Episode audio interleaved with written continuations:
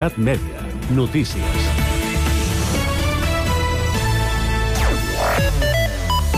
Sant Cugat engegarà Noi Nou amb un pressupost de 144 milions d'euros. Són uns comptes de contenció amb què el govern vol revertir la situació de dèficit en què es troba l'Ajuntament. Al ple d'aquest matí, el tinent d'alcaldia d'Economia, Carles Brugaroles, ha admès que els números són significativament inferiors al del 2022 i que es van prorrogar el 2023, però ha assegurat que és la millor proposta possible. Només el Partit Popular ha votat a favor del pressupost, la resta de grups, el PSC, la CUP, el PP, Vox i en Comú Podem, han votat en contra. És divendres 22 de desembre de 2023 i també és notícia en aquest butlletí que Sant Cugat entra 2024 amb els impostos congelats. La proposta d'ordenances fiscals del govern i de Junts i Esquerra ha prosperat definitivament aquest matí al ple municipal amb el suport de Vox, les abstencions del PSC i el PP i la negativa de la CUP i en Comú Podem.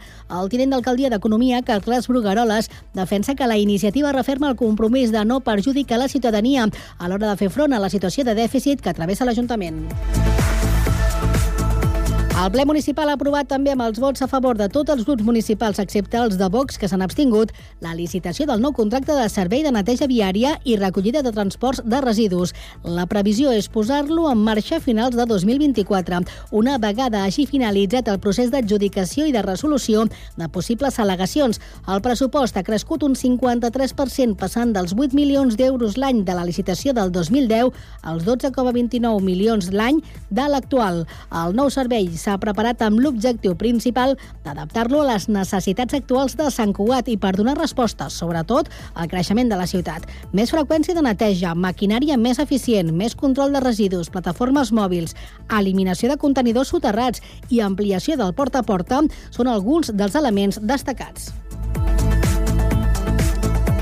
I atenció perquè en Galdrit Santana Roma és el guanyador de la panera de Nadal de Cugat Mèdia 2024. Aquest any la iniciativa ha batut rècord de comerços i empreses col·laboradores amb més de 40 obsequis. La novetat més destacada és la incorporació de 16 comerços del barri de Pulpalleres.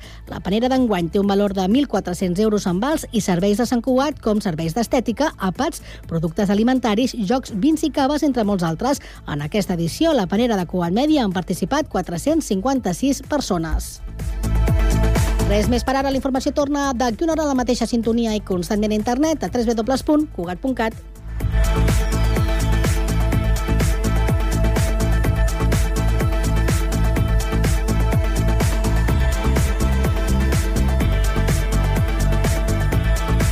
Cugat Mèdia, la informació de referència a Sant Cugat.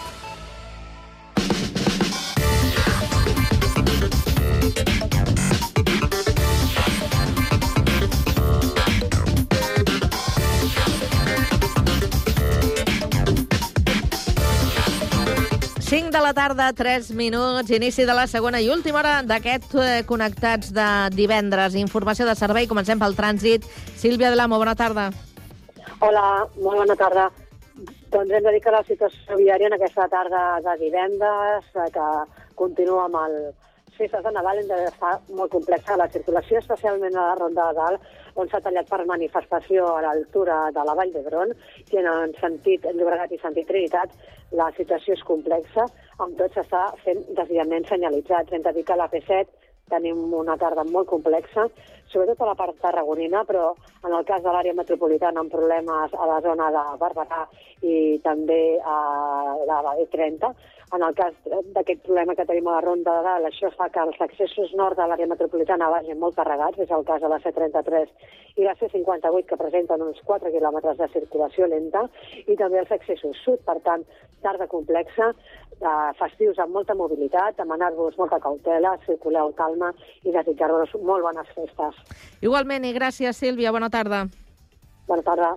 Pel que fa al transport públic, anem al Transmet. Albert Garram, bona tarda. Doncs parlem en principi de normalitat a la xarxa de transport públic de l'àrea metropolitana, on, a banda de la línia R3 de Rodalies, tallada entre Parets i el Figaró, es mantenen les freqüències i horaris habituals tant als serveis ferroviaris com de bus. De moment això és tot des del Transmet. Bon cap de setmana.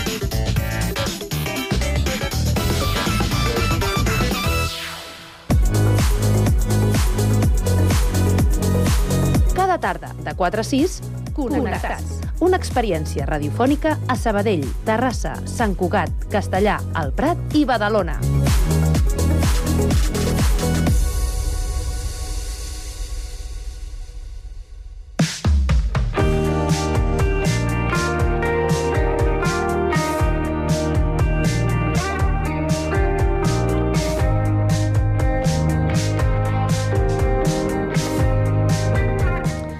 Avui des de Castellà coneixerem la Rata Lleixà. Ella és una treballadora de la Fundació Atendis, una entitat privada sense ànim de lucre que desenvolupa la seva acció al servei de les persones amb discapacitat intel·lectual i a les seves famílies al Vallès Occidental. Ella treballa en el torn de nit del Servei d'Acolliment Residencial. Als estudis de Ràdio Castellà ja hi tenim la Rat i també el Jaume Clapés. Bona tarda, Jaume. Hola, bona tarda, Carme. Sí, jo estic aquí amb la Rat Lleixà. Hola, bona tarda, Rat. Hola, bona tarda. Per començar, perquè ens fem una idea una mica de la teva persona, el teu caràcter plegat, ens podries explicar una mica la teva trajectòria professional i la feina que estàs fent ara, que és una mica el tema central pel que, pel que t'hem convidat. Bueno, jo vaig fer auxiliar de, de clínica, però també vaig fer... Soc tècnica en anàlisis clínics, però mm, he treballat molt poc d'això. Sempre he estat vinculada amb, amb el món de gent gran o gent amb problemes o, o amb disminuïts psíquics o amb problemes de conducta, que és on estic ara. I fa... Ara fa 12 anys que estic amb aquests, amb, amb nanos amb problemes de conducta. Nanos vull dir una franja molt àmplia, Quina eh? franja? El més petit jo estic en un puesto que n'hi ha 30 usuaris i, i n'hi ha... El més petit té 26 anys i el més gran en té 63. I hi han 30 usuaris d'aquests tipus, amb diferents tipus de, de patologies. Gent bipolar, gent amb esquizofrènia, gent amb trastorns de conducta, diversos. Hi ha molts tipus de síndromes i de patologies. I, i és una unitat relativament molt nova. O sigui, fa 12 anys que van obrir aquest... Que la vas obrir tu? Sí. Bueno, bueno, la va- ho va ser una de les Vaig tindre el persones. luxe de poder començar nosaltres. Aquesta unitat és dins la Fundació Atendis. Sí. Quina, com es diu la... La, la meva part Sí. es diu Aral. Aral. Sí, està dintre de la Fundació Atendis. I quines són les característiques de- d'aquesta part de residència? pues tots són només gent amb problemes de conducta i està dividit en unitats de 10 persones cada unitat, de diferents patologies i tipologies i ja està, i estan en una unitat que és casa seva, perquè són nanos que han esgotat tots els recursos aguts i per haver. O sigui, ja no, ja no hi ha més enllà. O sigui, això és casa seva. Fins, bueno, fins als últims dies de la seva vida, diguéssim, no? Malgrat, o sigui, ja hem tingut algun usuari que per, per edat avançada se l'ha passat en una residència de, de, de gent gran, uh -huh. perquè, clar, ja no poden seguir el ritme que porten els altres, no? Però això és casa seva, i, i ja no... Són nanos que han- s'han provat insertar en el món laboral, amb tallers ocupacionals, tal i qual, però no. Són nanos que no... O sigui, el compromís hi és d'immediat, però no, no seguit, no m'entens? I és difícil, la disciplina amb aquests nanos és difícil. D'acord. difícil. I quan És ja s'han esgotat totes les vies, Exacte, exacte. Venen a parar. nanos, molt, la majoria de nanos són en famílies molt desestructurades, evidentment, i que han estat al carrer, que han... saps? I llavors doncs, s'ha provat diversos, estar en pisos, viure amb les famílies, mm, i no. I al final han tingut que anar en aquest centre. Malgrat és un centre obert, eh? poden marxar amb la família, hi ha molts nanos que marxen els caps de setmana amb la família, ara que vindran festes de Nadal, marxen, marxen, tornen, o sigui, però ells viuen allà, ells viuen allà. I si no, si no ho tinc entès malament, tu fas el torn de nit. Jo faig el torn de nit. Fa 25 anys que treballo el torn de nit. Això és, és bastant bèstia. Sí.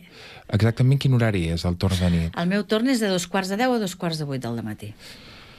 I, I com organitzes la teva vida amb aquest, amb aquest torn? Bueno, com que jo fa tants anys que treballo de nit, uh, bueno, jo quan surto de treballar estic activa, Okay. faig coses, perquè si no mm, només treballaria, treballaria i dormiria, i prou. I has de conciliar la vida familiar, els teus hobbies, les teves coses. Jo quan aplego de treballar, arribo a casa, esmorzo tal i qual, i molt, moltes, moltes vegades me'n vaig a caminar. Després arribo, faig el dinar, ta, ta, ta, dino i me'n vaig a dormir. Em llevo, em dutxo, sopo i me'n vaig a treballar. Però jo treballo una setmana sí i una setmana no. D'acord. Tot l'any. Uh, I les festes caigui com caigui. Sigui, si em toca festa, em toca festa. Si no, doncs tinc que anar a treballar. I aquest any treballaràs les festes? Sí, aquest any em toca treballar Nadal, Sant Esteve i el 31 al vespre, aquest any. Cada 5 anys tenim festa la nit del 24 i la del 31. A mi em toca l'any que ve. El reste de l'any, caigui com caigui. déu nhi I has parlat d'unitats de 10? Sí, són unitats de 10. I tenen el seu menjador, Cada, cada unitat. cada unitat té el seu menjador amb el seu sofà, la seva tele, les seves taules on fan els àpats i les habitacions són individuals. I tenen un pati. Cada unitat té un pati. Perquè aquests usuaris, eh, la gran majoria són fumadors. Vale. El fumar no el perdonen. És...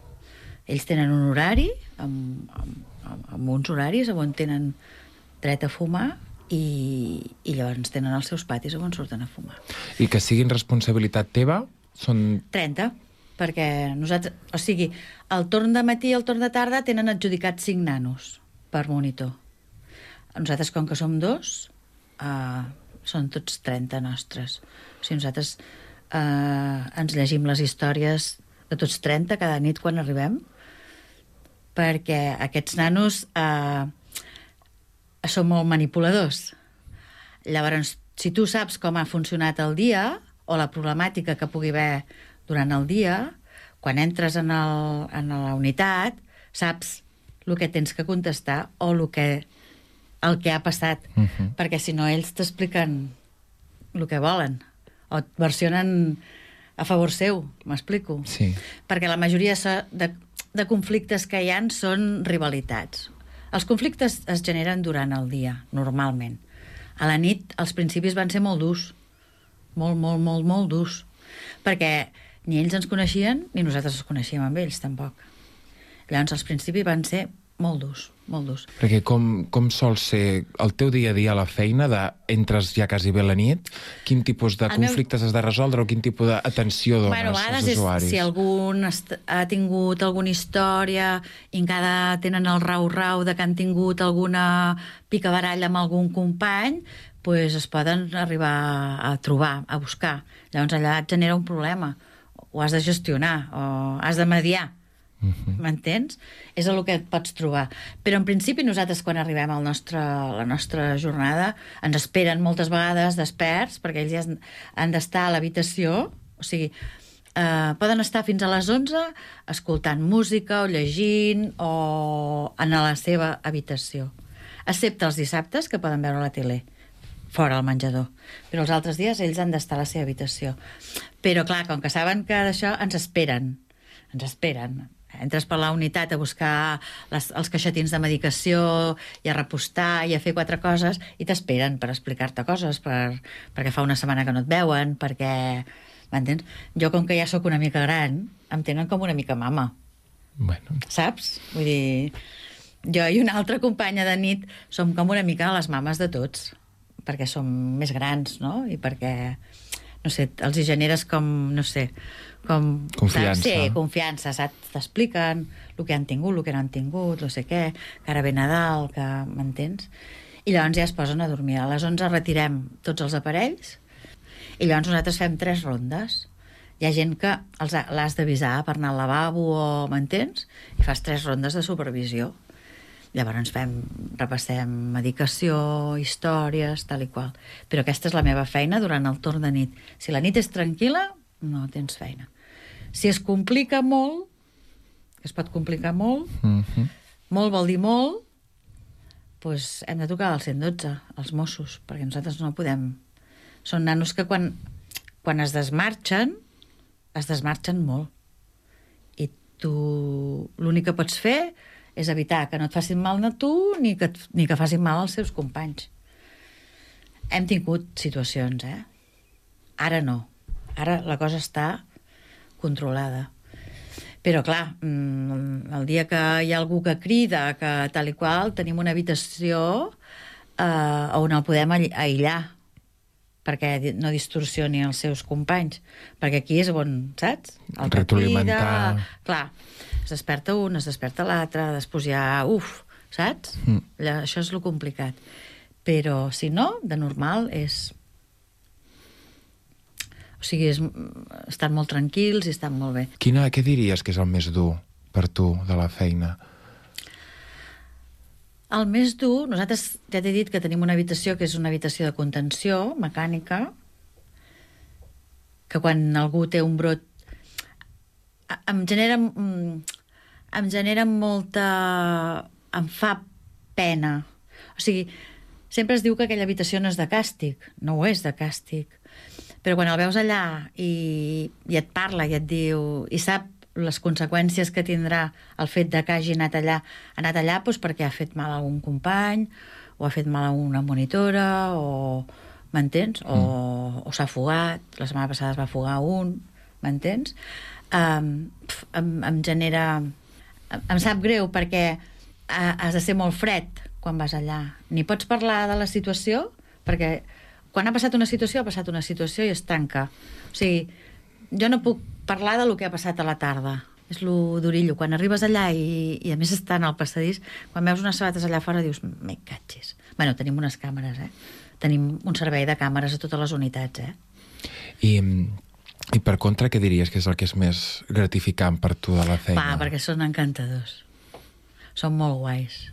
Aquesta setmana passada hi ha vingut... Cada any, per, eh, abans de Nadal, es fa la jornada de portes obertes. Vale? Per ells és una festa molt especial, perquè està tot obert, poden venir les famílies, fan un berenar a cada unitat, hi ha coses per berenar i tal i qual, i per ells això els hi, sup... bueno, els hi suposa... Bueno, fa un mes ja preguntaven ¿vendrás para la jornada de puertas abiertas? ¿Con quién vendrás? ¿Con tu marido? Sí, tal i qual. I eh, la, l'alegria que tenen quan et veuen entrar per la porta a més desprenen, són molt carinyosos t'estimen molt et poden odiar molt ells com que ho porten tot a l'extrem no? Mm. però t'es- t'estimen molt, molt, molt t'estimen molt, molt, molt Um, I per aquests dies de Nadal, que són festes, que tal, ho has explicat una mica, poden sortir, creus que es viu diferent el Nadal des de dintre aquest tipus de centres? És xungo perquè n'hi ha molt pocs que es queden allà, que no tenen família o que no se'ls emporten. És xungo. Els que marxen no, els que marxen ho viuen superbé. Aquí genera el problema, que el que marxa divendres, a dia d'avui, ja està dient, el viernes me voy. Mm. I el que no marxa ho passa malament. Intentem fer-ho el millor possible. Jo l'any passat, que vaig treballar el dia 24, els vaig fer cagar el tio. I ens ho vam passar els que érem, els pocs que érem, que em Mm. sembla que érem 10 o 12, em sembla, eren molt pocs. Els que es queden, doncs, bueno, intenten eh, fer-ho el millor possible i celebrar-ho el millor possible no? Clar. Perquè és, és xungo, és xungo. És xungo el que no marxa, clar. Però bueno, allà se celebra tot, eh? Allà se celebra tot. I Intentem- venen els reis i... Intenteu mantenir com... Sí, sí, sí, clar. com clar. les tradicions i que se sentin- Sí, sí, i faran les campanades a les 8 del vespre, mm. però les faran com fan les residències o així, no? Sí, sí, es celebra la verbena, es celebra... tot es celebra. Molt bé. I mm, com veus el panorama? Jo no sé si tu tens contacte amb altres centres, com esteu d'ocupació... Creus que hi ha, Uf, hi ha molta llista d'espera. hi ha molta llista... de- Això em- em- m'intrigava, això. Com està el panorama d'aquest tipus de centres? Hi ha molta llista d'espera, perquè hi ha molt pocs centres a Catalunya. Hi ha poca unitat, es coneix poc aquestes unitats. Mm. N'hi ha poques. N'hi ha molt poques. I llavors hi ha llista d'espera. En falten. I, I aquesta gent que està en llista d'espera ara, que fins pues, a... o estan, pues, o estan en algunes unitats d'aquestes psiquiàtriques o així a l'espera de que es puguin... Que ubicar en algun Eh. lloc. Sí. Vaja. Tenim un cas molt xulo que el vam revertir. O sigui, sí, teníem un nano que va arribar molt malament. Jo t'ho explico perquè això és que, és que ens fa com molta gràcia, eh? Hi havia un nano que bueno, va venir molt malament, es, es pagava, es feia mal, s'autolesionava molt malament, amb trets d'autista i tal i qual, no es relacionava amb ningú i tal i qual. Però bueno, a mesura d'anar-lo treballant, treballant, treballant, ens el vam fer, ens, en- ens el vam fer nostre, no? Un tio amb una habilitat de fer manualitats espectacular. pues, uh, mira, precisament per la pandèmia uh, vam fer la prova de portar-lo en un pis tutelat perquè vam, vam veure que era un candidat, no? I va fer la prova d'anar a un pis tutelat i d'anar a treballar a Cipo, a veure què tal ho portava. Bueno, genial. uh, estava a les portes de marxar ja i va agafar el Covid. I llavors es va tindre que enredar-hi tot. I ara, el dia de les portes obertes, va vindre de visitant.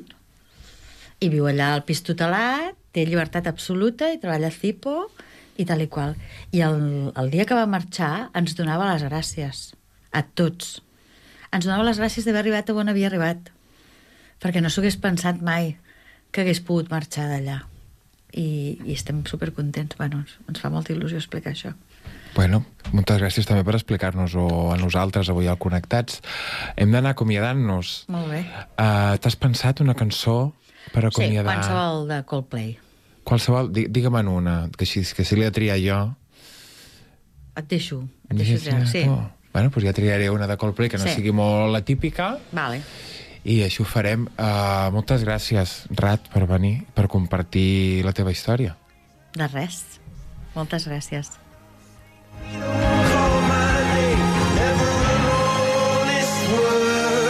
But that was when I ruled the world.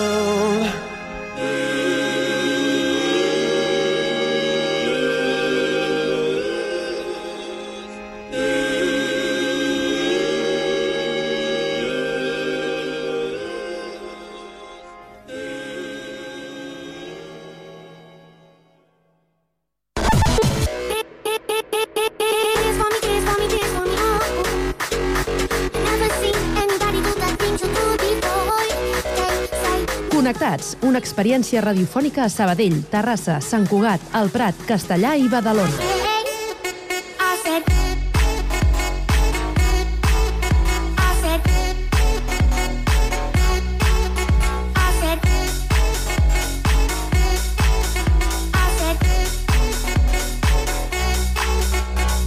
Connectats amb Carme Reverte. Aquest Nadal, la ràdio local regala llibres. Aquesta és Intenció de Lletres de Nadal, un programa on podràs escoltar contes, poemes i curiositats nadalenques per a nens i no tan nens. L'Advent, el Tió, el Pare Noel, l'Home dels Nassos, el Caganer, els Reis i patges tan famosos com en Faruc, en Xiu-Xiu o l'Ona, la Citat i l'Estel de Foc. No hi falta ningú. En la lectura hi han participat 60 emissores locals i més de 20 nens d'entre 3 i 13 anys. La direcció és d'Anna Morgades Vallucera i Míriam García Liébana i la realització sonora d'Ivan López i José Manuel Galvez. Les ràdios del Connectats ens hem encarregat del conte La família Timbal i el patge Xiu-Xiu, de Núria Riera i Mercè Ortí, d'Edicions La Finestra. Hi han participat Carme Reverte, de Cugat Mèdia, Víctor Asensio i Rocío Santofèmia, del Prat Ràdio, Guillem Plans, de Ràdio Castellà, Andrea Romera, de Ràdio Ciutat de Badalona, Pau Duran, de Ràdio Sabadell i Laura Cera, de Mataró Ràdio. La família Timbal i el Patxa Xiu-Xiu, de Núria Riera i Mercè Ortí. 1 de desembre.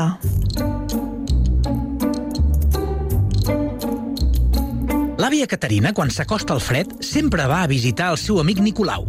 En Nicolau és un home gran i fort que viu enmig d'un bosc.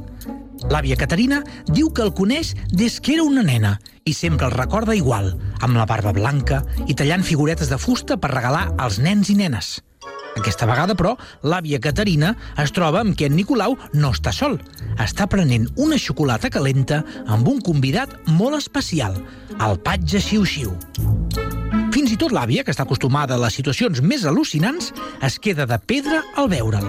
Tant que, a l'anar a saludar-lo, sense voler, li aboca la tassa de xocolata calenta per damunt. Oh no! El vestit de patge reial està tot tacat de xocolata! Això sí que és un inconvenient. Diu en Xiu-Xiu. No tinc temps d'anar a Orient a buscar un altre vestit de gala com aquest. El Nadal és a tocar.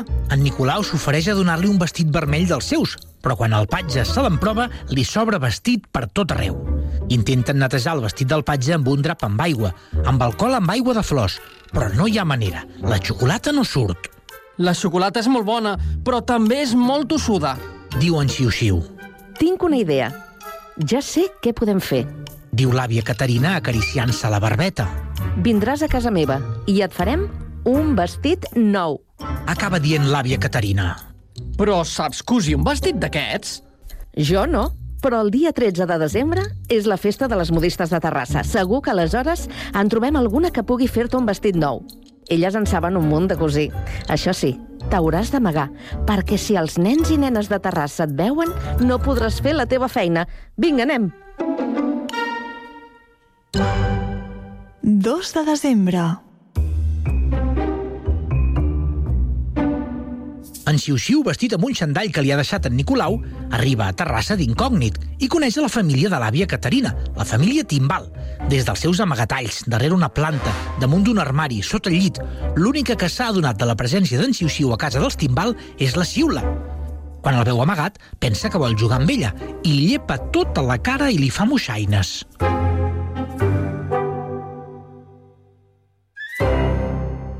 Tretze de desembre.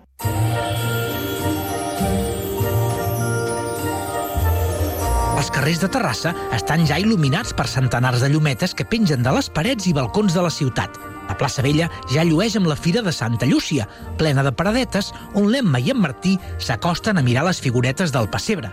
La Xiula també vol mirar, però tot i que s'enfila, no hi arriba i acaba olorant la molsa i els testos on hi ha plantats els arbres de Nadal. L'àvia Caterina està despistada buscant algú. Ja les he trobat. Un grup de senyores que brinden. Són les antigues cosidores de Rades de Terrassa. Són les modistes. L'àvia Caterina li fa un senyal amb el cap al patge xiu-xiu. Problema solucionat. Elles faran el vestit nou del patge.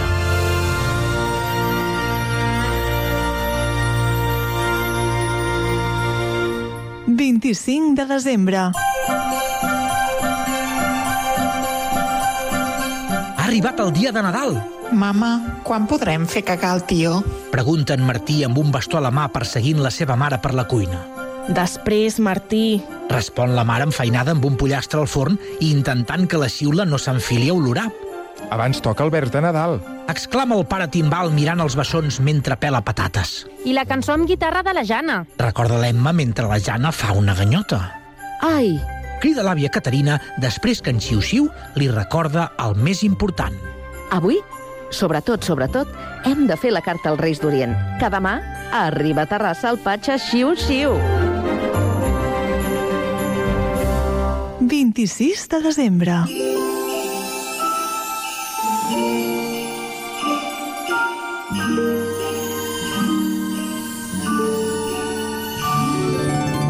Per Sant Esteve, la família Timbal dina amb els tiets i cosins. Els nens al dinar els ha passat molt ràpid perquè només esperaven acabar per anar a veure el patge xiu-xiu. Per fi ha arribat a la ciutat. La família sencera anirà a sentir el seu pregó. Mama, Diu l'Emma. el patge sabrà si ha estat bona o dolenta? Sí, Emma. El patge ve uns dies abans que els Reis per observar els nens i nenes i saber com s'han portat durant l'any. I després els ho diu als Reis? Sí. Oh, no! Exclama el Martí preocupat. Què passa? Pregunta el pare. Sabrà que la Jana diu paraulotes? Pregunta en Martí. O que en Martí estiri pets mentre dorm? Respon la Jana. Els pares riuen de valent. No us preocupeu, que vosaltres heu estat molt bons, oi que sí? Molt! Mentrestant, en Xiu-Xiu, amagat i encara amb sandall, crida l'àvia Cata. Ella va amb un paquet ben gros allà on és el patge, li dona i diu Just a temps. Xiu-xiu, he estat molt bona, espero un regal molt gros. Per fi ha arribat el moment de donar la carta al patge reial. Hi ha molta cua per arribar on és ell. Tots els nens i nenes de la ciutat li volen donar la seva carta de desitjos. El seu nom en realitat és Hazim Jezabel. Explica l'àvia als seus nets mentre esperen a la cua. Es diu xiu-xiu. Diuen el Martí i l'Emma. Li diuen xiu-xiu perquè xiu-xiueja les oïdes dels Reis d'Orient si els nens i les nenes han estat bons. Explica la Jana mentre mira el mòbil. I a classe quan passen llista li diuen Hassim Jezabel? Pregunta l'Emma. El patge ja no hi va a l'escola. És gran, però si hi anés, li dirien així. Va, que us toca. Els diu el pare mentre els fa avançar. Fa una mica de por. Exclama el Martí, però l'Emma l'agafa de la mà i li diu a l'orella. Anem-hi junts i no tindrem por. 28 de desembre. Emma, Martí, Jana, correu, veniu! Hi ha una vaca a la nevera. Crida el pare de bon matí. Tots tres van corrent a la cuina esperant veure una vaca dins la nevera i quan arriben es troben el pare amb una llufa per cadascú. Innocents! Els diu... Ara us toca portar la llufa a l'esquena tot el dia. No m'agrada gens aquest dia. Rondina la Jana mentre marxa de la cuina. Avui és el dia de les bromes. Sí, i avui toca anar a buscar el rei o la reina dels innocents. 31 de desembre. I arriba l'últim dia de l'any. Quina emoció! L'home dels nassos s'ha de trobar. L'home que té tants nassos com dies té l'any. Anem ajudant Nassut Nas Rogent? La Xiu la borda. També vol ajudar a trobar-lo. I què farem quan el trobem? Pregunta la mare. Mocar-lo. Diu en Martí. Amb tants nassos deu tenir molts mocs. Jo li tibaré el nas. Diu l'Emma. Però quants nassos creieu que té l'home dels nassos? Pregunta la Jana divertida. I els nens intenten comptar amb els dits. 5 de gener. La família Timbal es desperta ben d'hora i ben revolucionada. Aquesta nit venen els Reis. A mitja tarda, tot i que ja és fosc, la família al complet van al seu lloc de sempre, a un dels carrers de vianants del centre de Terrassa, esperant veure els Reis d'Orient. Només hi falta la xiula, que amb tanta gent s'atabalaria i es queda a casa fent companyia al tió. Ja venen! Són màgics i llencen milions de carmels. Jo preferiria que llancessin xocolata. Diu la mare tota múrria. I arriba el torn del carruatge del patge Xiu-Xiu.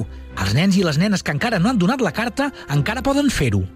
Ai, Exclama l'àvia. amb tant enrenou encara no li he donat la meva carta als Reis. És la nit més emocionant de l'any. Grans i petits estan tan il·lusionats que no saben si aconseguiran adormir-se. Abans d'anar cap al llit, l'Emma i el Martí preparen un platet de fruits secs i unes gotetes de mistela pels reis. Mama, perquè els reis són reis i no reines? Pregunta l'Emma a la seva mare mentre l'està tapant. Bona pregunta, Emma. Crec que a les reines se'ls agrada més treballar d'incògnit, però treballen tant com els reis per fer aquesta nit màgica. Doncs aleshores s'haurien de dir reis i reines d'Orient. Exclama el Martí. Uh -huh, ja estic d'acord. Diu la Jana rient. Vinga a dormir, que demà serà un gran dia.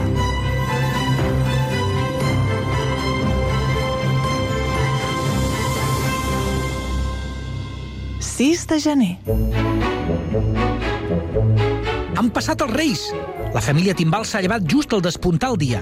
Encara van en pijama, però els nens no poden aguantar l'emoció de veure si tenen regals. Papa, s'han menjat els fruits secs. Criden Martí. I s'han begut la mistela. Diu l'Emma. Clar, és que van a moltes cases i deuen passar gana i set. Diu l'àvia Cata. Parlant de gana. Diu el pare. Vinga, a preparar la xocolata desfeta. La xiula salta al voltant dels nens i dels regals. També està emocionada. De cop s'atura i ensuma alguna cosa. Els reis li han portat un os enorme. La família Timbal se sent feliç i afortunada. Estan tots molt contents i amb ganes de menjar figuretes de massapà i xocolata desfeta. Àvia, Pregunta l'Emma. i en Xiu-Xiu ja ha tornat cap a Orient, també? Sí, Emma, crec que just està marxant cap allà. Diu l'àvia mentre li pica l'ullet al patge que la saluda des de la finestra.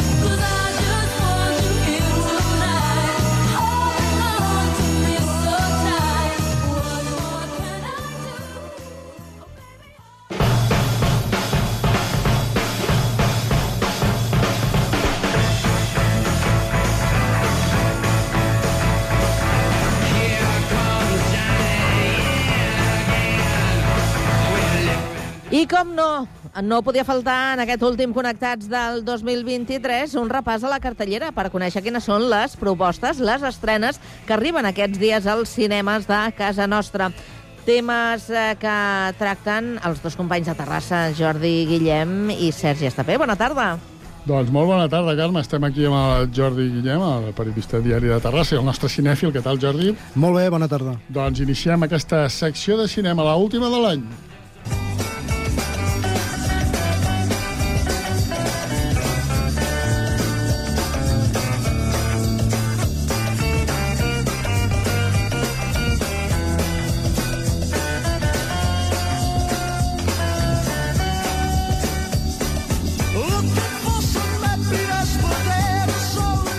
Doncs, com dèiem, iniciem aquesta última secció de l'any de cinema del Connectats i, com sempre, fent el repàs algunes de les estrenes més destacades. Hem de tenir en compte una cosa, Jordi, que ja es van començar a estrenar dimecres passat. Dimecres, sí, sí, setmana estranya. Per tant, setmana d'aquelles estranyes. No és que hi hagi moltes, moltes eh, estrenes, però sí que estan disseminades en el dimecres, ahir dijous i avui divendres. Començarem amb una pel·lícula d'aquestes de fantasia, fantàstiques, dels Estats Units, que es diu Aquaman i el reino perdido. Què em pots explicar d'això? Doncs que és una seqüela, una de tantes d'aquest eh, superheroi Aquaman de DC Comics, que farà les delícies dels amants de les pel·lis de superheroi, que segur que ja tenien la data d'avui, d'aquest 22 Hi ha- hi ha un bon- de desembre marcada. Hi ha un bon target, no?, de gent que els Sí, agraden aquestes hi ha, mo- hi ha molta eh? gent. No és el nostre cas, em penso, però, no. en fi, hi ha gent que li agrada. I, sí, sí. Uh, superherois, en fi. James Wan és el director, és un cineasta que va començar fent pel·lis de terror i ara s'atreveix en qualsevol cosa. I el protagonista és aquell senyor que es diu Jason Momoa, que el recordareu precisament per Aquaman, la primera pel·lícula. També hi surt Patrick Wilson, Amber Heard, eh, Nicole Kidman, eh, Dolph Lundgren. Aquestes pel·lícules tenen la, això, la capacitat d'ajuntar bastanta gent. L'argument quasi que ho deixaríem estar perquè, en fi, són aquestes coses que entenen els que, Doncs els que ho deixem estar. segueixen perquè és, eh, bueno, en fi, és Potser una, es farà una nova la, lluita. idea, la gent una, mico, una mica millor idea eh, escoltant un trosset. Sí, em Va, sembla bé. vinga, Vinga, doncs. endavant. Hace cuatro años no tenía oficio ni beneficio. Era un vagabundo sin hogar. Pero ahora soy marido y padre. Y no lo cambiaría por nada del mundo. No sé cómo te apañabas, papá. Mi trabajo era mucho menos estresante que el tuyo. Doncs aquest Aquaman i el Reino Perdido, aquesta pel·lícula, com deia el Jordi, doncs pel que, pels amants d'aquest eh, aquest gènere de cinema. Ens en anem a Espanya, drama, Samsara, això sembla quasi, quasi una marca de cotxe, un Citroën Sí. Samsara, un Seat Samsara. És una pel·li eh, que arriba a aquestes dates per la seva espiritualitat, no confondre amb una, amb una pel·lícula de fa uns anys, que també es deia igual, Samsara. Mhm. Aquesta és espanyola, dirigida per un senyor que es diu Lois Patiño. És, és una pel·li de cinema experimental, hem d'avisar, parla de religió, eh, és un drama, diguéssim, i ens porta fins als temples budistes eh, del Luang Prabang, eh, totalment oposada a la primera, diguéssim. Sí, sí, ho veig, ja. on hi conviuen desenes d'adolescents i, i un d'aquests nois eh, doncs ajuda una, una senyora gran a fer el traspàs de la vida a la mort, diguéssim. Hi ha un text que s'ha de llegir quan la gent està a punt de morir i ell li fa de guia espiritual, en fi, és una, és una pel·li ambientada en un petit poble de la costa de Tanzània, amb una família de pescadors, i és una pel·li que la crítica ha tractat força bé, eh, una pel·lícula espanyola no habitual, que tracta un tema no habitual i que està rodada... Actors coneguts o- No, no, no, no, no massa. Només eh, dir que mm, la pel·li va, va ser premi del jurat, premi especial del jurat al Festival de Berlín, eh, la Seminci de Valladolid també es va exhibir i els Forqué i els Feroz doncs, té nominacions. Per tant, és una, una pel·li així mm, maca i que ha tingut bones, bones crítiques, però no res, ni comèdia ni res, eh? Molt cosa, bé. Cosa sèria. Doncs d'aquí marxem a França, una comèdia, el libro de las soluciones, que així ja us avanço que veient el tràiler fa d'aquelles que fa gràcia, en principi. Sí, la setmana passada se'm va dir que no hi havia cinema francès, per tant, aquesta setmana hem portat ració doble. t'estàs revenjant, eh? Exacte. Una d'aquestes eh, propostes és la pel·lícula de Michel Gondry. Uh, Michel Gondry és un senyor que segurament el recordareu, haureu vist moltes pel·lícules. És un, dels, és un, és un cineasta francès que ha treballat bastant als Estats Units, Va fer Olvídate de mi, aquella pel·li amb Jim Carrey, i ha fet pel·lícules així bastant, bastant curioses i bastant eh, diferents del que és el cinema habitual. No? En aquest cas parla una mica d'ell mateix, parla d'un director de cinema que després de esbarallar-se amb els productors que no l'entenen i no comprenen gens el seu treball, doncs eh, se'n va amb la seva pel·lícula, s'escapa per intentar-la acabar i s'amaga en un petit poble rural de França i a partir d'allà doncs, la pel·lícula ens explica doncs, la, les neurosis que pateix el, el personatge en, en, en, per, per aconseguir que el seu guió esdevingui una pel·lícula, és a dir, una mica cinema dins del cinema. Sí, l'estem sentint, aquest, eh, actors poc coneguts també, Pierre Niney, eh, Blanche Gardin, eh, Vincent Elbàs, eh, en fi, el més conegut és Michel Gondry, el llibre de les solucions. Ja que hem començat a escoltar... La que l'acabem, no? Ja, posats, vinga. Cantad algo, así parecerá más natural. Muy bien. Eso es, así se hace el puente. ¿No os gusta? Paramos el rodaje. Disculpadme, voy a fumarme un cigarro. Se ha ido con la película. Mark no fuma. Plan B. Sí, acabaremos el montaje en casa de la tía de Mark. El libro de las soluciones sería un compendio de respuestas a todo tipo de conflictos. Doncs el llibre de les solucions, com deia ara, com se sentia aquí en aquest tràiler, aquesta comèdia francesa. Ens anem a Gran Bretanya amb un thriller que, tot i que porta un nom francès, com es diria? Fam o fem o fam? Fam, la fam, la fam, fam. dona, Doncs seria. la dona. eh? Què, què ens pots dir d'aquest thriller de Gran Bretanya? Doncs que és una, una de les pel·lis més interessants de la setmana. És una pel·lícula que tracta el tema de l'homosexualitat des d'un punt de vista no reivindicatiu, sinó com a thriller. Uh. -huh. uh, és un cinema de venjança. És, és la història d'una drag queen, del Jules, que pateix un brutal atac homòfob i, i a partir d'aquí passen els dies, els mesos, i es troba en una sauna amb el seu agressor, eh, un tal Preston, i a partir d'aquí doncs, l'agressor és, és homosexual però no ho manifesta, diguéssim. No? I a partir, a partir d'aquí doncs, aprofita per venjar-se. I la pel·lícula eh, és la història d'aquesta venjança, eh, dirigida per eh, quatre mans, per Sam Freeman i eh, en Chong Ping, un cineasta xinès. Eh, trobem algun protagonista interessant com George Mackay, Joel Macrea, i poca cosa més. Una pel·lícula britànica... No serà el nom clàssic francès. dels westerns. No, no, Ah, val, val, val, com a molt deu ser el net, però Sí, sí, no, no, sí. Es, es diu igual, però no, no té res a veure. Uh, en fi, una pel·li independent que va, que va estar als, als British Independent Film Awards, va estar nominada, i ens arriba aquest dia 22. I acabaríem amb uh, la pel·lícula doncs, que a mi personalment em faria més il·lusió de les que eh, s'estrena aquest cap de setmana perquè surt una actriu que a tu i a mi ens agrada Sí. molt, que és la Juliette Binoche, sí, sí. a Fuego Lento, una pel·lícula de, així romàntica de França que es basa una mica en el tema de la gastronomia, no? de la cuina. Sí, és, és bastant habitual que el cinema francès ens ofereixi pel·lícules així basades en la cuina, francès i no francès.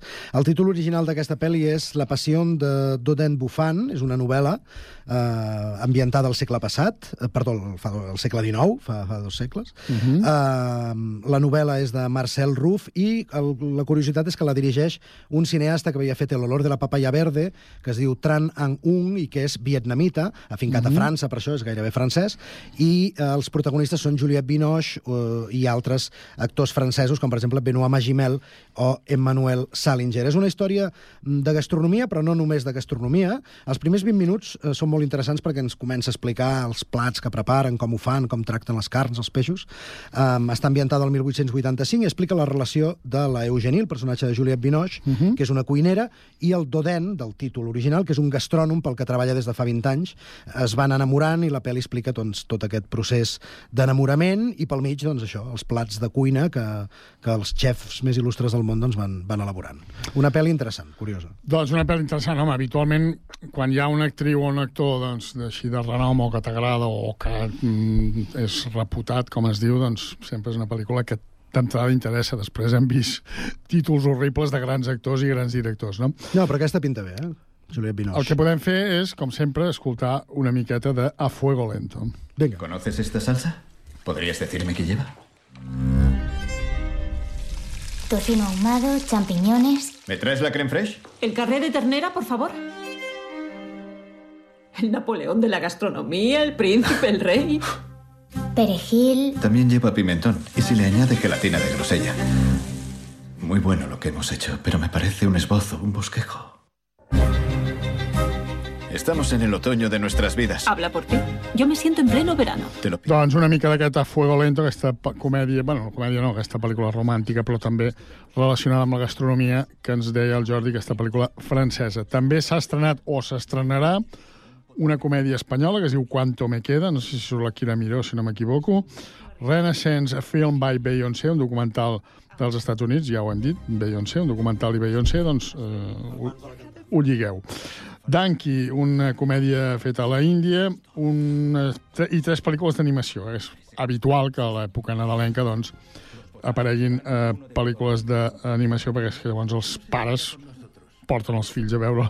En aquest cas seria dues dels Estats Units, que serien Migració, un viatge patas arriba, i Alunizados, i una feta a Espanya que es diu Heavis Tiernos, que espero que no surtin el Santiago Segura i el Florentino Fernández, que van fer aquella trista pel·lícula de Easy Easy. Eh, bueno, bé, deixem-ho estar. Heavis Tiernos, un títol. I avui, al, al, al final de la secció, com que ve Nadal, sabeu que el dia... Matarem el gall. El dilluns vinent és Nadal, no sé si ho sabíeu. Si algú no ho sabia, el dilluns que ve és Nadal. Doncs bé, Nadal i cinema és una cosa molt habitual. N'hem parlat a- alguna altra, en altres ocasions, però sí que hi ha una sèrie de pel·lícules doncs, que s'associen amb el Nadal, no només per això, perquè les passin al Nadal, sinó perquè passen. Tenen Una- esperit nadalenc, no? Diguéssim. Possiblement, no sé, tu qui- si tens alguna preferida, que Bello és vivir és la clàssica que tothom diu que li Sí. agrada, no sé què. Han passat els anys i penso que Que Bellos Vivir segueix sent la millor pel·lícula de Nadal, que representa Frank potser... Capra, Frank Capra, Frank Capra, tot, James, James Stewart, Stewart. representa tots els valors aquests del Nadal, no? La, la bondat... La dona és la... No, no és... Hosti, no sé. Bueno, No és igual. No, no digues, digues. No, és, un, és una pel·li un magnífica, és un clàssic, el passen segurament que alguna cadena el passarà aquest Nadal, i si no, doncs busqueu-la perquè està a l'abast de tothom i diria que està a YouTube, fins i tot. És un clàssic d'aquests que ja han passat els anys i, i val molt la pena veure-li. És d'aquelles pel·lis que molta gent encara no ha descobert, molta gent li té molta por blanc i negre, i aquesta pel·li és en blanc i negre, però, en fi, és atemporal absolutament i tan meravellosa com el primer dia. Una altra de les icones de, del Nadal o de cinema de Nadal és Solo en casa. Solo en Sí. casa és tot un clàssic, és una comèdia, a més a més, que es pot veure en família, Mhm. perquè potser si poses a veure els teus fills de 6, 7 o 8 anys eh, que ells vivir, potser no els agradarà. Sí, potser no però si els hi poses Solo en casa amb les gambarrades de Macaulay Culkin, que es queda sol, perquè ja ho sabeu, no, no, no es fer spoiler, doncs els pares se'n van de viatge, se'l deixen, es queda sol a casa, i llavors hi ha uns trinxeraires, un dels quals és Joe Pesci, sí. Que són bastant barruts, eh? Vull dir, no, no serien els millors lladres de la història, doncs eh, volen entrar a robar i el Macaulay Culkin els hi fa passar canutes. No sé si pa- t'agrada la Va pel·lícula. molt, molt. Posa el seu fortí allà i no deixa... És una pel·li bastant blanca, eh, diguéssim. De... Sí que és veritat que els trinxeraires són molt dolents i, i el Macaulay Culkin doncs, és bastant gamberro, però és una pel·li que es pot veure de totes les edats, tranquil·lament. Curiosament, és una pel·li de Chris Columbus, si no m'equivoco, que es va, quan es va fer eh, ningú donava un duro per aquesta pel·li i, i ha acabat sent l'èxit que és, no? O sigui, la Sí, van sí. fer com una pel·lículeta més. De fet, ja ha tingut quatre, duros. seqüeles. La segona sí, que surt el Macaulay Culkin. Les altres ja tres són és- infumables. La segona encara... El del peix. Es pot aguantar, a partir de la tercera ja és un bodrio, ho Mm. dic perquè les he vistes eh, dissortadament, i eh, bueno, el que és, és allò d'aprofitar, no? És com Terminator, Terminator, el padre de Terminator, o Tarzán i les, los hijos de Tarzán i los nietos de Tarzán. També és bastant, eh, diríem, celebrada Love Actually, Love Actually, eh, bueno, una sèrie d'històries que totes van lligades a Nadal, surt el Hugh Grant, surten bastants actors de renom, i per tant seria potser una altra de les icones de Nadal, juntament amb Gremlins. Gremlins Sí. és una pel·lícula que també... eh, Alguns cinemes la reposen aquesta setmana o la passada, no sé si ho vaig veure, que hi ha reposicions Mm-hmm. en, en versió original. És una pel·li que recurrentment es va tornant a passar als cinemes, perquè moltes generacions no l'han vist. I Gremlins també és, està ambientada al Nadal, si no recordo Mm-hmm. malament, que el pare se'n va de viatge de negocis i els hi porta... El, com, es deia? Gims o... Guibo, sí, una cosa així. I sí, sí, és una pel·li que m'encanta. Les pel·lis dels 80 m'encanten, i especialment Gremlins. És una pel·lícula que, pel que he llegit, eh, es veu que era més dura i més fosca i el Steven Spielberg va intervenir, va dir, no, no, fem-la una cosa Per tots els públics. que la gent... Amb- amb més llum. Exacte, li Sí. agradi la pugui veure. I llavors si no... mm, allò que dius, ostres, no sé quina pel·lícula veure i tal. Hi ha alguns canals que fan aquestes pel·lícules telefilms tronats. S'ha de, de fugir eh, d'aquests telefilms Molts tronats. Perquè... ambientats bé, però hi ha gent que li agrada. Sí, però el temps és- ambientats amb Nadal. el temps és limitat que i si podem veure coses interessants, Sí, però normalment l'argument és aquest, és a dir, una noia que pel que sigui es queda en un poble que no vol, és una gran executiva de, de la ciutat, i allà doncs, eh, hi ha temes de Nadal i s'acaba implicant i s'acaba enamorant del, del veterinari del poble que havia marxat però ha tornat perquè prefiero vivir en el pueblo i tal. I es torna allò bona i tot això. Però bé, escolta tu, hi ha públics per tot. Per tant, Sí, sí. Cadascú... La jungla de cristal no l'he dit, no? La No, me també l'estava esperant, perquè sé que t'agrada i a mi també. és de les ambientades... ambientar el Nadal, no tindria esperit nadalenc, diguéssim, sí, sí. hi ha bastantes...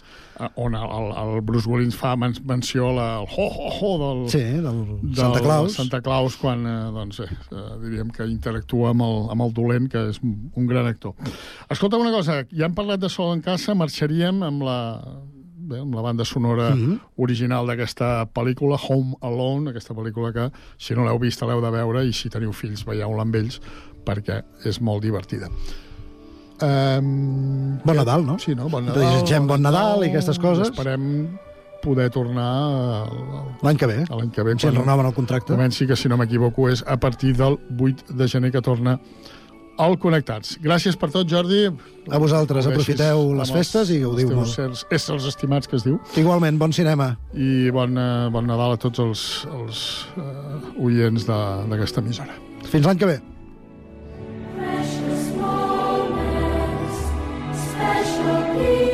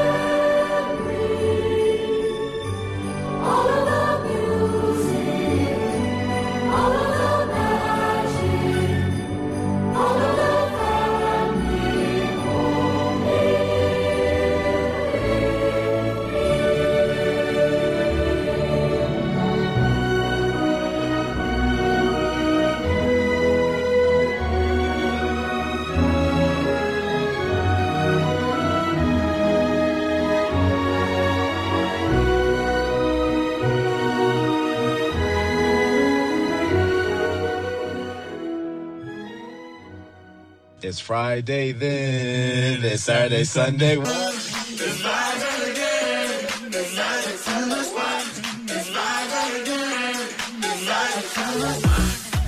Molt bé, efectivament, és divendres, però és un divendres especial perquè som a les portes de les vacances, de realment celebrar aquestes festes amb família. Però abans de marxar, com sempre, recomanacions, les que trobareu en aquesta agenda que de seguida us presentem. Des de Terrassa, Sergi Estapé de nou. Bona tarda. Bona tarda. Dissabte, a les 12 del migdia i a les 7 de la tarda, concerts de la banda de Terrassa a l'Auditori Municipal. Dilluns 25 de desembre, dia de Nadal, a la Nova Jascava i a les 10 de la nit, actuació de la Tòfol Martínez Blues Band.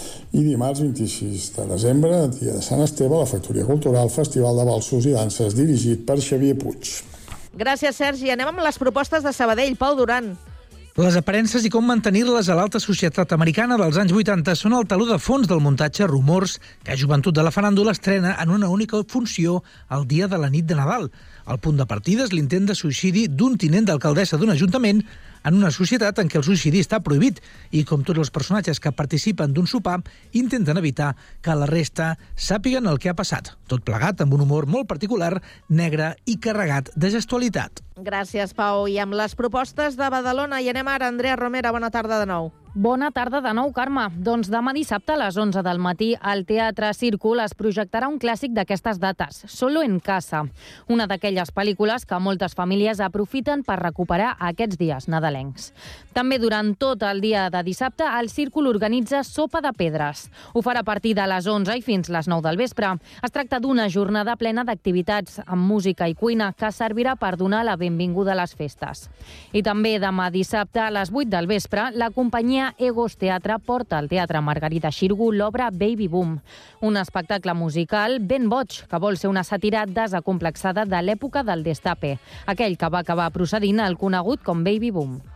Gràcies, Andrea. I les propostes del Prat. Jonathan Marín, bona tarda. Bona tarda. Pel que fa a l'agenda del cap de setmana al Prat, aquesta tarda, des de les 5 a la plaça Luis Braille, l'associació Copgrossos Colla de Capgrossos de la Cooperativa Obrera de Viviendes organitza una xocolatada solidària en benefici de l'Hospital Sant Joan de Déu i els infants amb càncer.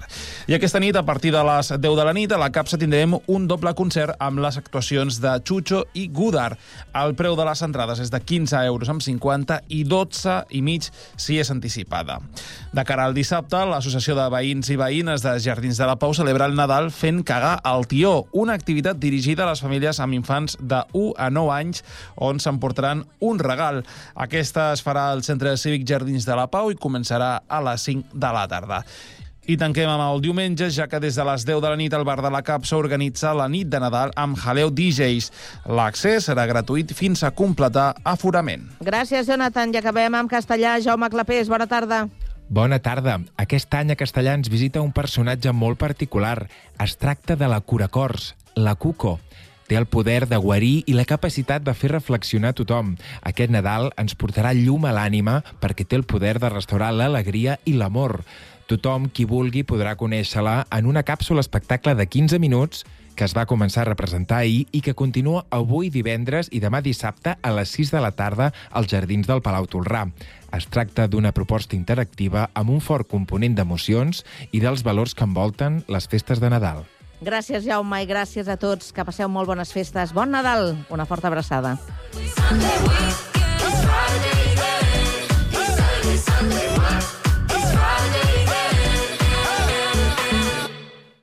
No és el mateix ser els integrants del millor grup de la història que ser el millor grup de la història. Per això, el grup català Occident serem Occident, perquè per continuar assegurant-ho tot, tot i tot, ens havíem d'ajuntar tots, tots i tots. Entra a seremoccident.cat. Ja tens Sant Cugat a la butxaca? La targeta de punts de més de 80 botigues de Sant Cugat. Si no és així, sol·licita-la a les botigues adherides i aconsegueix un munt d'avantatges. Descomptes, obsequis, promocions especials, barrets de la nit en blanc i... No ens podem allargar tant. Consulta www.santcugatalabutxaca.cat. Ara també utilitza la teva targeta al Mercat de Torreblanca. Hem sortit al carrer per preguntar als nostres escoltants què els hi semblava la llanterna màgica i això és el que ens han dit. Pues la cosa es así. Verá, es impresionante. Me encanta, me encanta. Mola. Me gusta cómo suena. ¡Qué bonito! Si us agrada el cine i les bandes sonores, vosaltres també podeu formar part dels escoltants de la llanterna màgica. Tots els dijous, a les 10 del vespre, la llanterna màgica a Ràdio Sant Cugat. Ràdio Sant Cugat. www.cugat.cat